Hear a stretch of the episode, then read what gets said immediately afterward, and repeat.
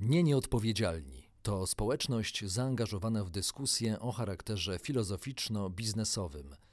Naszym celem jest uwrażliwienie ludzi biznesu i nas, obywateli, użytkowników tego świata, na różne aspekty odpowiedzialności.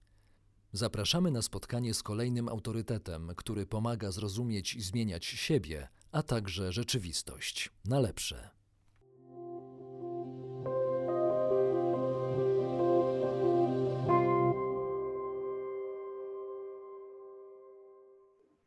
Dzień dobry Państwu. Dzisiaj do rozmowy zaprosiłem pana profesora Krzysztofa Obłoja, ekonomistę, teoretyka i praktyka zarządzania, kierownika Katedry Strategii Organizacji w Akademii Leona Koźmińskiego. Pan profesor jest także wykładowcą Uniwersytetu Warszawskiego. Dzień dobry, panie profesorze. Dzień dobry, dzień dobry panu, dzień dobry państwu. Może ja od razu usprawiedliwię się tło, to jest moje tło, na, którego, na którym tle nagrywam bajki dla swoich wnuczek i przy pomocy WeTransfer wysyłam je w świat. Chciałem o to właśnie zapytać, to znaczy chciałem zapytać o źródło mm, tego, tego tła, e, ale mm, już się dowiedzieliśmy. Mogę też się spodziewać, że jest Pan w doskonałym nastroju. W związku z tym e, pytanie o to, jak my się odnajdziemy po koronawirusie, co jest tematem naszej rozmowy, wydaje mi się oczywiste, ale spróbujmy jednak zagłębić się w temat. To znaczy zapytam o to, e, jakie organizacje już zdążyły zaakceptować stan, odnaleźć się właśnie w nowym stanie, jaki mamy, czyli mm, takim stanie hybrydowym, e, a które nie zdały egzaminu i podczas tego nasilenia e, odosobnienia społecznego i mm, rygorystycznego podejścia do, do przepływów w gospodarce. Komu się udało, a komu nie po prostu? Tu mamy jakby, mm, odpowiedź mam jest mieszanką trzech rzeczy. Po pierwsze mojej znajomości teorii, po drugie wynikiem badań, które prowadzę nad zachowaniem przedsiębiorstw w pandemii, a po trzecie, tak jak my wszyscy, anegdotycznej obserwacji rzeczywistości. Więc przede wszystkim odnalazło się społeczeństwo. I odnalazło się społeczeństwo właściwie w większości krajów świata. Y, jeżeli śledzi się y, analizy, doniesienia medialne, to począwszy od Chin, kończąc na y, Europie i Stanów Zjednoczonych, Stanach Zjednoczonych i również Afryce i Azji, w różny oczywiście sposób, ale te społeczeństwa się odnalazły, wdrożyły społeczne dystansowanie, wdrożyły niespotykaną jednak dyscyplinę społeczną i, i wzajemną solidarność i pomoc. E, druga jakby grupa, jeżeli tak można powiedzieć, osób, które się odnalazły, to jest ta, która jest mi najbliższa, czyli menedżerowie. Ja chcę powiedzieć, że ja jestem pod ogromnym wrażeniem menedżerów zarówno na świecie, jak i w Polsce, którzy po pierwsze walczą, nie poddają się, po drugie przezbrajają swoje firmy, począwszy od budowy nowego typu solidarności z pracownikami i kontrahentami, poprzez budowanie cyfryzacji i digitalizacji. Nagle 10 lat się przesunęło wszystko do przodu przezbrajanie linii produkcyjnych, tak żeby porozkładać jakby ryzyka i budowanie, zwiększanie ich odporności. Więc to jest taka druga grupa, która się absolutnie sprawdza w sytuacji, która dla niej jest niezwykle trudna, bo ona wie, jak sobie radzić z cyklami gospodarczymi. Natomiast ani społeczeństwo, ani menedżerowie nie wiedzą sobie, jak sobie radzić ze zjawiskiem, które występuje e, raz na 100 lat. No i trzecia sprawa, oczywiście nie sprawdzili się, ale to tradycyjnie i to jakby niczego innego od nich nie oczekiwalibyśmy politycy. Ale to jakby umówmy się, to jest taka grupa, która się generalnie nie sprawdza w tej chwili w niczym. Jak sobie radzi społeczeństwo, to nawiążę, pan profesor pozwoli, do właśnie pana tła, tła tej rozmowy. To znaczy, my zorganizowaliśmy się no, chociażby w takie edukacyjne, małe społeczności, gdzie czytamy, na, na, na, gdzie e, dorosłe osoby czytają dzieciom bajki, e, gdzie nauczyciele w przedszkolach, panie nauczycielki łączą się przez internet ze swoimi grupami, no, trwa cała e, edukacja, która oczywiście nie jest zbyt dobrze oceniana, ale to wciąż trwa. Czyli, no właśnie, czy jak się na poziomie społecznym do tego, do, do tej sytuacji dostosowaliśmy się i co nam to daje? Czy moglibyśmy to zgłębić? Znaczy, mam taką pokusę, żeby odpowiedzieć lekko i przyjemnie, a, ale gdzieś jako naukowcowi mi jest trudno. To znaczy, w związku z tym odpowiem najpierw ciężko, a potem lekko. Otóż jako społeczeństwo dokonaliśmy i jako państwa heroicznego wyboru, chroniąc osoby starsze i zatrzymując gospodarce, gospodarkę. I w tej chwili właśnie dokonujemy heroicznego wyboru, którego nigdy nie obserwowaliśmy od czasu II wojny światowej, to znaczy pomiędzy gospodarką a, a życiem, tak po prostu i zwyczajnie.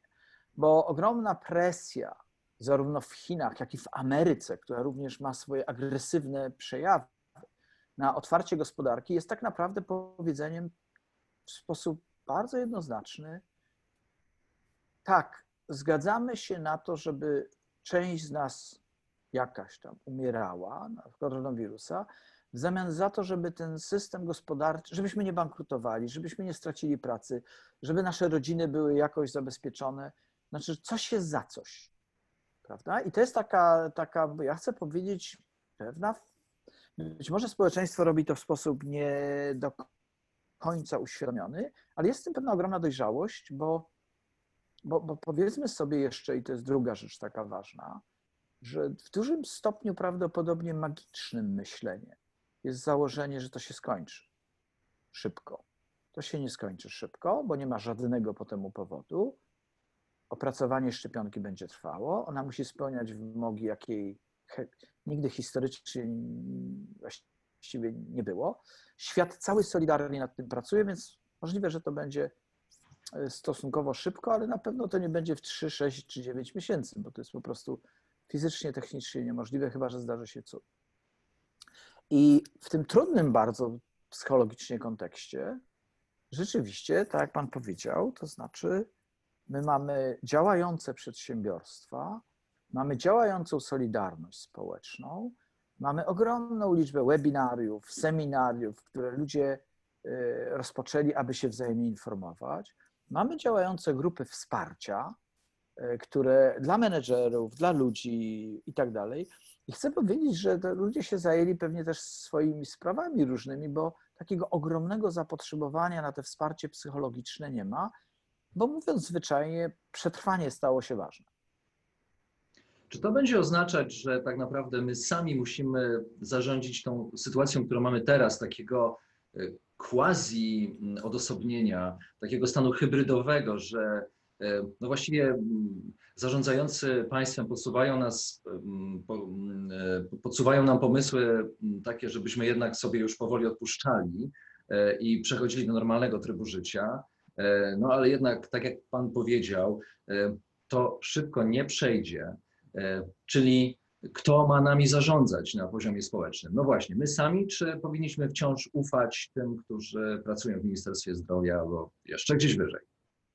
Ja myślę, że to będą takie fale. To znaczy, bo, bo wiadomo już, że trzeba otworzyć gospodarkę. Wiadomo również, że w gospodarce dzieją się rzeczy niesłychane. To znaczy, całe ogromne sektory, które napędzały ją, które były w wielu gospodarkach największe i najszybciej rozwijające się, szeroko rozumiana mówiąc po prostu turystyka i transport, e, to e, nagle się zatrzymały, prawda? I, I, to widać w Polsce, w małych miasteczkach i w średnich miasteczkach, bo to się z perspektywy Warszawy tak tego nie widać, ale no nie wiem, tak, takie Busko Zdrój albo inne miasta, tam, tam uzdrowiska, hotele, e, cała infrastruktura, która wspomagała stoi i, i ci ludzie muszą znaleźć z powrotem pracę, w związku z tym oni gdzieś zwyczajnie będą się aktywizowali i żądali tego, abyśmy do tej, z powrotem zaczęli normalnie funkcjonować. Związku z tym będzie ogromna presja społeczna, jest już na to i de facto to znaczy proszę zwrócić uwagę, że taki lockdown nie może trwać wiecznie. Więc ja myślę, że to będzie tak, że będziemy otwierali zamrażali. Otwierali, zamrażali, będą coraz krótsze okresy zamrożenia, coraz dłuższe okresy odmrożenia. W pewnym sensie już żeśmy pandemię oswoili, przyzwyczailiśmy się do niej i rzeczy, które jeszcze dwa miesiące temu byłyby niewyobrażalne, dzisiaj są tak samo naturalne jak nasz wywiad. No właśnie teraz też o tym pomyślałem, to znaczy, czy ta naturalność sieciowa pozostanie z nami tak długo, że ja nie będę miał mm, przyjemności spotkania pana profesora na żywo, nie chcę sobie jednak jej odmawiać. A teraz przejdźmy do, mm, do biznesu, czyli właśnie do tego zachowania menedżerów. Pan powiedział, że, że kadry menedżerskie zdały egzamin niejako, tak mogłem to wywnioskować z Pana wypowiedzi, to znaczy, że szybko odnalazły się w sytuacji, w której ludzie potrzebują nie tylko zarządzania e, nimi jako elementami pewnych procesów w firmie, ale po prostu jako, jako ludzi. Tak? Chcą zobaczyć ludzką twarz swoich menedżerów, swoich szefów. Znaczy, ja uważam, że się odnaleźli w większości prawdopodobnie. Absolutnie fantastycznie.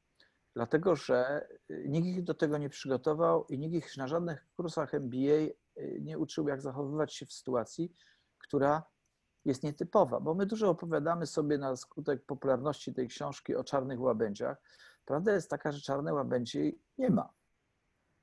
Po prostu i zwyczajnie. Czarne łabędzie, y, znaczy te zjawiska rzadkie zdarzają się wbrew pozorom dosyć często. Tak jak na przykład kryzys gospodarczy, jak widać. No mieliśmy przez ostatnie 20 lat z 2-3. Natomiast to jest zjawisko po raz pierwszy od 100 lat na taką skalę i w pewien sposób absolutnie unikalne. I oni się w tym odnaleźli, po pierwsze traktując bezpieczeństwo pracowników jako coś absolutnie priorytetowego. Chcę powiedzieć, że to można wydawać regulacje, ale tak prawda jest taka, że, że to menedżerowie się zdecydowali traktowanie to jako priorytet firmy. Drugą rzeczą utrzymanie jej działalności, a więc wprowadzenie rygorów wizyt, wprowadzenie rygorów mijania się zmian, prawda? Wprowadzenie, no to są najprostsze rzeczy, to znaczy ja widzę w przedsiębiorstwach, znaczy zaczyna się regulować chodzenie do ubikacji, prawda? Bo ludzie nie mogą naraz się 10 osób pojawić w ubikacji i tak dalej. W związku z tym to jest od ułożenia linii produkcyjnych poprzez to, z kim się współpracuje, jak się traktuje kontrahentów, jak się traktuje pracowników. Ja chcę powiedzieć, że to jest taki przyspieszony egzamin z ludzkiego zarządzania. I jak w tej bajce, przyjaciół się poznaje w biedzie. To znaczy, niektórzy kontrahenci, interesariusze zachowują się absolutnie wspaniale, jak wynika z moich badań. To znaczy, firmy wzajemnie sobie pomagają, tam gdzie to jest tylko możliwe, odkładają płatności, informują się wzajemnie o możliwościach, zapraszają do wspólnych przedsięwzięć. Y, y, ja chcę powiedzieć, że słowo, które się pojawiło w badaniach, które bardzo dawno go nie słyszałem ze strony menedżerów, to też są wdzięczni. Są wdzięczni swoim pracownikom i są wdzięczni swoim kontrahentom za to, jak wszyscy się wzajemnie wobec siebie zachowują. To nie będzie trwało wiecznie, ale jest fajne. Na poziomie społecznym obecny czas dla socjologów to jest raj pod kątem badawczym, tak mi się wydaje. I też mogę ekstrapolować i powiedzieć, że albo zacząć dopytywać pana profesora, czy ten moment e, w dziejach świata, dziejach gospodarki kapitalistycznej nie jest rajem dla teoretyka zarządzania przyglądającego się e, biznesowi. E, wspomniał Pan o badaniach, które, które mm, chyba już prowadzi właśnie, jak mogę zrozumieć. Czy może Pan nam powiedzieć odrobinę o tym, co Pan już zdążył przebadać, kogo?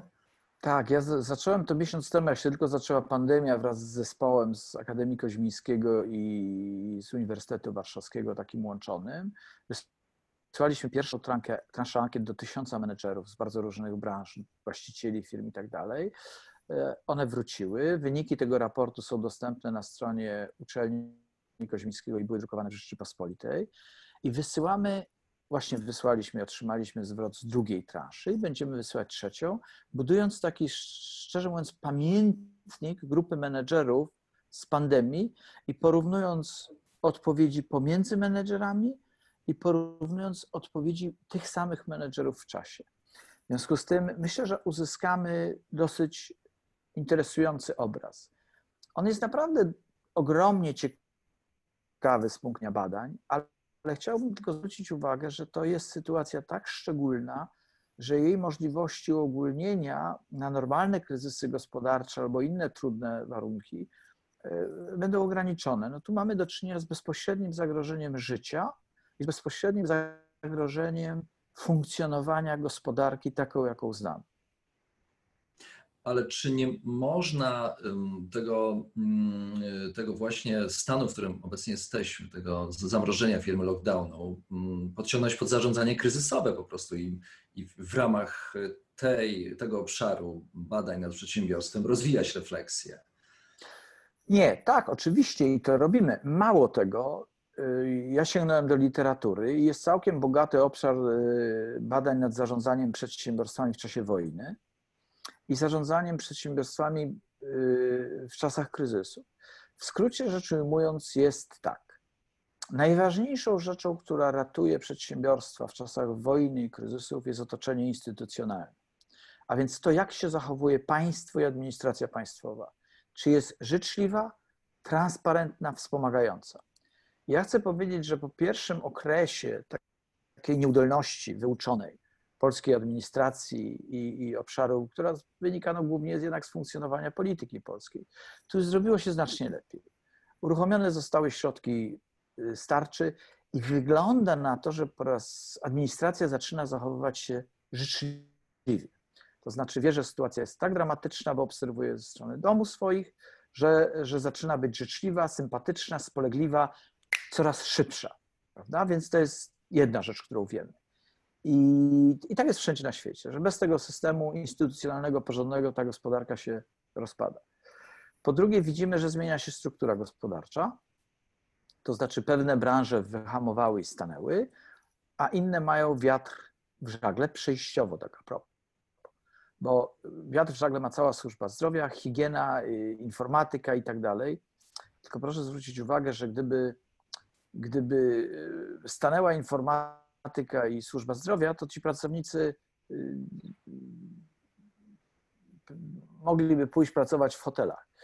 Natomiast gdyby hotele działały, ale jak stanęły hotele i transport, no to oni się nie przezbroją i nie pójdą do pracy w informatyce i w tym. W związku z tym my za chwilę trafimy na ogromne ograniczenia wykwalifikowanych pracowników dla rozwoju branż, którym pandemia stworzyła szansę.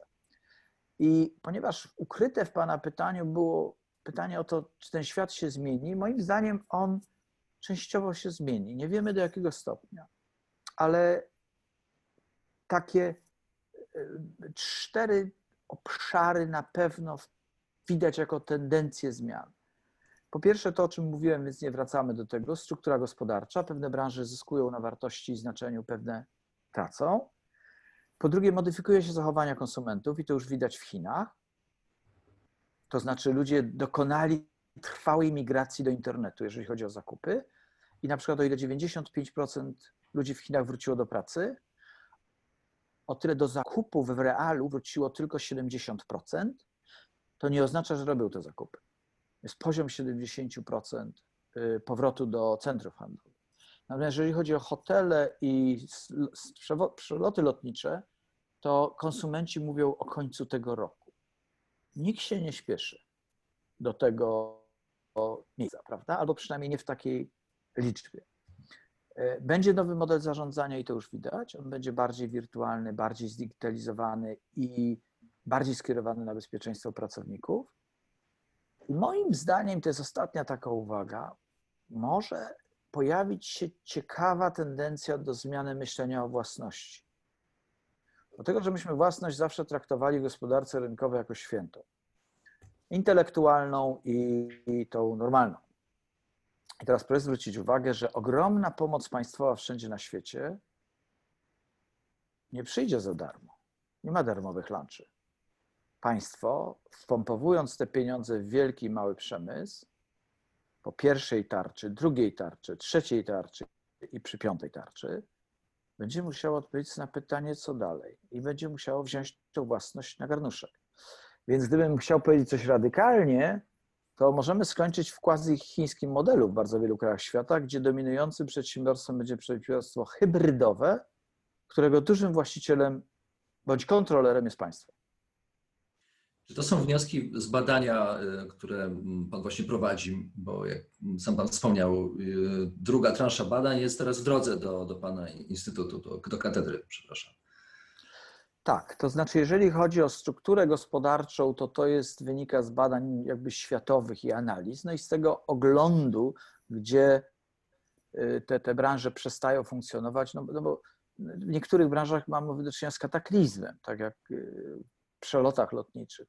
To, to nie, nie, nie można z wszystkich samolotów wymontować siedzeń i używać tego jako cargo. To tak aż dobrze nie działa. Albo przerobić hotele no właściwie nie wiadomo na co, na schroniska dla kotów, i psów, no, no, no nie, tak to nie, nie działa. prawda? Więc na struktura się zmienia. E, modyfikacja zachowań e, konsumentów też już wynika z badań, bo patrzymy na to, co się dzieje w Chinach, patrzymy na to, co się dzieje w Europie, patrzymy na deklaracje i patrzymy na zachowania. I to są ogólnoświatowe badania, które się w tej chwili bez przerwy pojawiają. Jeżeli natomiast chodzi o zachowania przedsiębiorców i działanie w przedsiębiorstwie, to to wynika bezpośrednio z moich badań, czy z naszych badań, naszego zespołu. I to takie, takie właśnie trzy czy cztery tendencje bardzo wyraźne w przedsiębiorstwach są widoczne do innych relacji z interesariuszami, innych i skracania łańcuchów wartości, innych relacji z pracownikami. One są bardziej ludzkie. Wszyscy zaczęły na siebie patrzeć, bo, bo mówią sobie, OK, sprawdziliśmy się w tym wszystkim, prawda? I z punktu widzenia digitalizacji i wirtualizacji, gdzie bardzo wiele obszarów no, zaczyna działać w sposób wspaniały. Czy to jest fajne? Wie pan co? To wcale nie jest takie oczywiste, bo już z badań wynika, tych, które wracają, że ludzie mówią, to był taki święty gral gospodarki miał być, ta digitalizacja i wirtualizacja. Ale to wcale nie jest fajne. Nie spotykamy się. Człowiek jest istotą społeczną. Chcemy wrócić do pracy. Ludzie zaczynają się przekradać po cichu do roboty na 2-3 godziny i trzeba ich stamtąd czasami gonić. Rzeczywiście też, przyznam się szczerze, mm, mam w swoim doświadczeniu takie właśnie myśli, czy, czy też poszerzyłem swoje pole doświadczenia o to, że się nie da, nie da się długo być w rzeczywistości digitalnej, bo, bo po prostu jesteśmy zupełnie inaczej skonstruowani, na pewno nie do tylko i wyłącznie urządzeń elektronicznych. Zanim dopytam Pana, jak to będzie z tym kryzysem e, i sięgnę do Pana profetycznej e, części wiedzy, e, to jeszcze chciałem zapytać o to, że gdy firmy, gdy menadżerowie w firmach rozwijają te ścisłe więzi z pracownikami, firmy ogłaszają na przykład, że do czerwca nie będziemy zwalniać. A co się stanie, jeśli nadejdzie lipiec i trzeba będzie zwalniać, to co, no właśnie, jak, jak wtedy te relacje pomiędzy firmą a pracownikami będą się układać? Państwo nie ma żadnego wyjścia musi pompować pieniądze, zrzucać je z helikopterów i jedyne, czego ma pilnować, to żeby pieniądze spadły na ziemię, żeby w międzyczasie nie zniknęły. To znaczy, nowoczesna teoria monetarna, która zaczyna dominować, mówi, że państwo może drukować pieniędzy bez końca. I prawda jest taka, że musi. No bo co? No bo, y, bo, brak pracy i brak zasobów finansowych oznacza tylko jedno rewolucję społeczną. Ludzie muszą wyjść na ulicę, po prostu i zwyczajnie. I do tego politycy, zwłaszcza przywiązani do władzy, nie dopuszczą i słusznie zresztą, no bo to, to prowadzi tylko do czego? Do rozboju generalnego. W związku z tym to zostanie na jakimś poziomie utrzymane, 50%, 60%, yy, długo, i teraz mówiąc zwyczajnie, nikt nie chce nawet o tym myśleć i my też nie chcemy o tym myśleć. Bo jeżeli to miałoby trwać dwa lata, to tak może być, prawda? E, to, no to ktoś może powiedzieć, że tego państwo nie wytrzyma. Nie, państwo to wytrzyma. No będziemy mieli po prostu w którymś momencie y, zjawiska ekonomiczne, o którym zapomnieliśmy, takie jak, jak inflację, prawda? Pojawią się wszystkie spiskowe teorie historii, że ktoś, kto, nie wiem, wytwórcy złota to wszystko zaplanowali i tak dalej. Więc pojawiły się też pewne niepokoje społeczne. Więc ja uważam, że może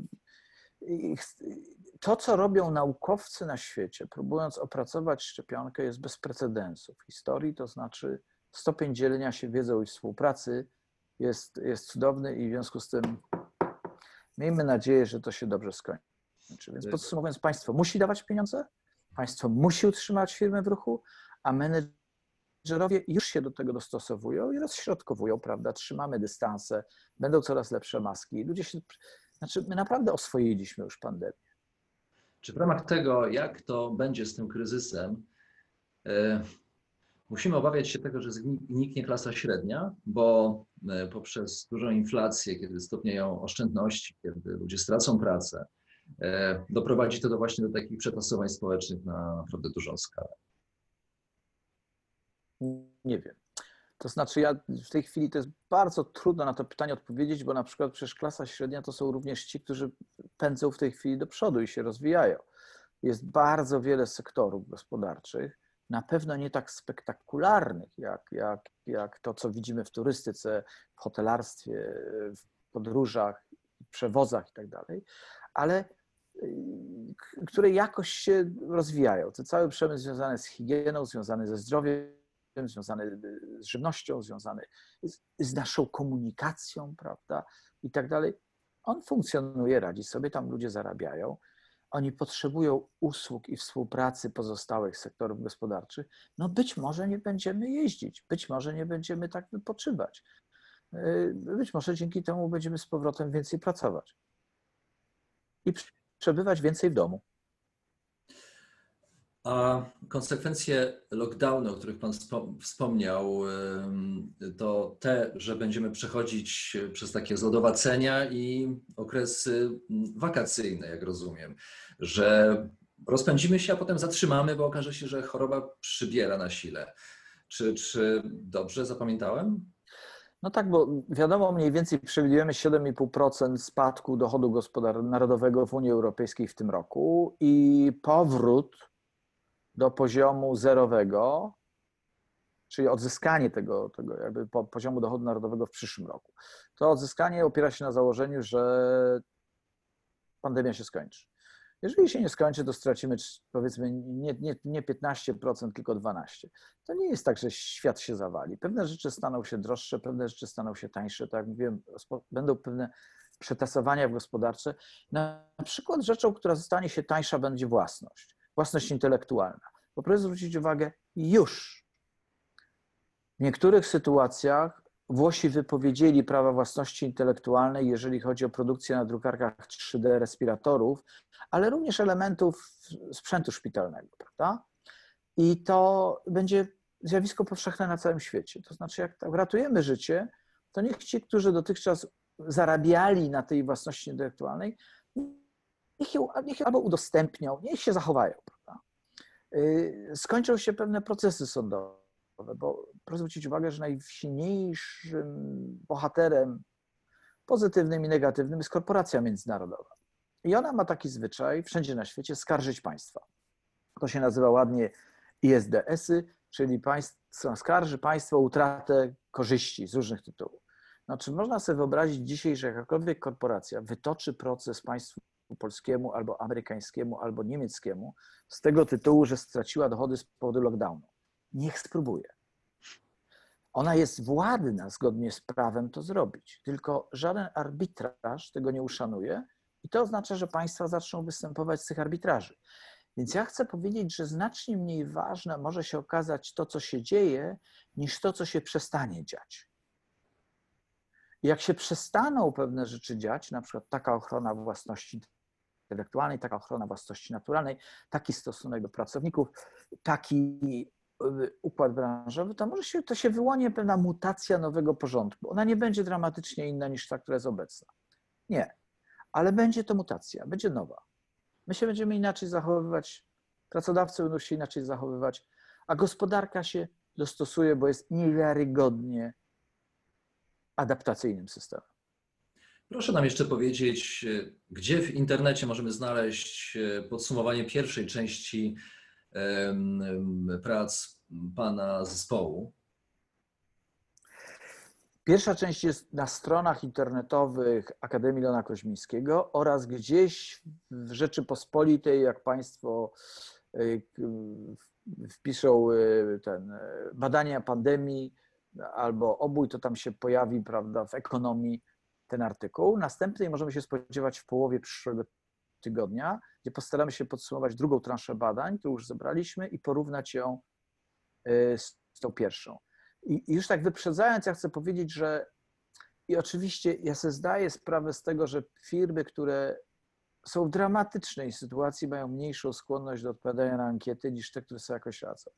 Ale chcę powiedzieć, że ta druga transza mówi o jednej rzeczy. Maleje poziom stresu, i rośnie odporność biznesowa.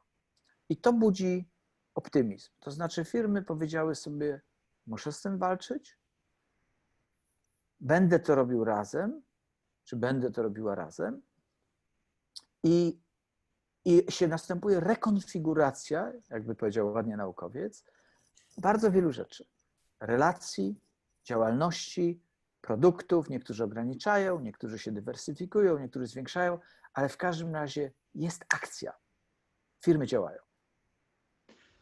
Uściślimy jeszcze, że druga mm, transza badań i wyniki pojawią się w internecie około połowy maja. Zgadza się, panie profesorze? Tak, w drugiej połowie przyszłego tygodnia. I wreszcie na koniec jeszcze zapytam, jaką bajkę dzisiaj będzie pan czytał swoim wnukom? No i ja bajki układam, już użyłem 47 takich bajek o żyrawce w Fiwce i jej kolegach zwierzętach, które Państwo tutaj widzą, lwie leonie, prawda, zebrze pasiaste i tak dalej. I dzisiaj płyną tratwą po jeziorze Wiktoria, dlatego że lew Leon miał marzenie, aby kiedyś popłynąć. I zwierzaki mu zbudowały tratwę i płyną. Jest przygoda, są emocje. I dlatego nasi programiści będą teraz pracować nad zhakowaniem pana komputera, aby ta bajka dostała się do naszej sieci. E, I muszę też panu przyznać, że przebił pan nasze tło, czyli rzymskie koloseum, na którym mam przyjemność przebywać już od kilku dni, ale pańskie jest naprawdę rewelacyjne. Dziękuję bardzo. Do usłyszenia.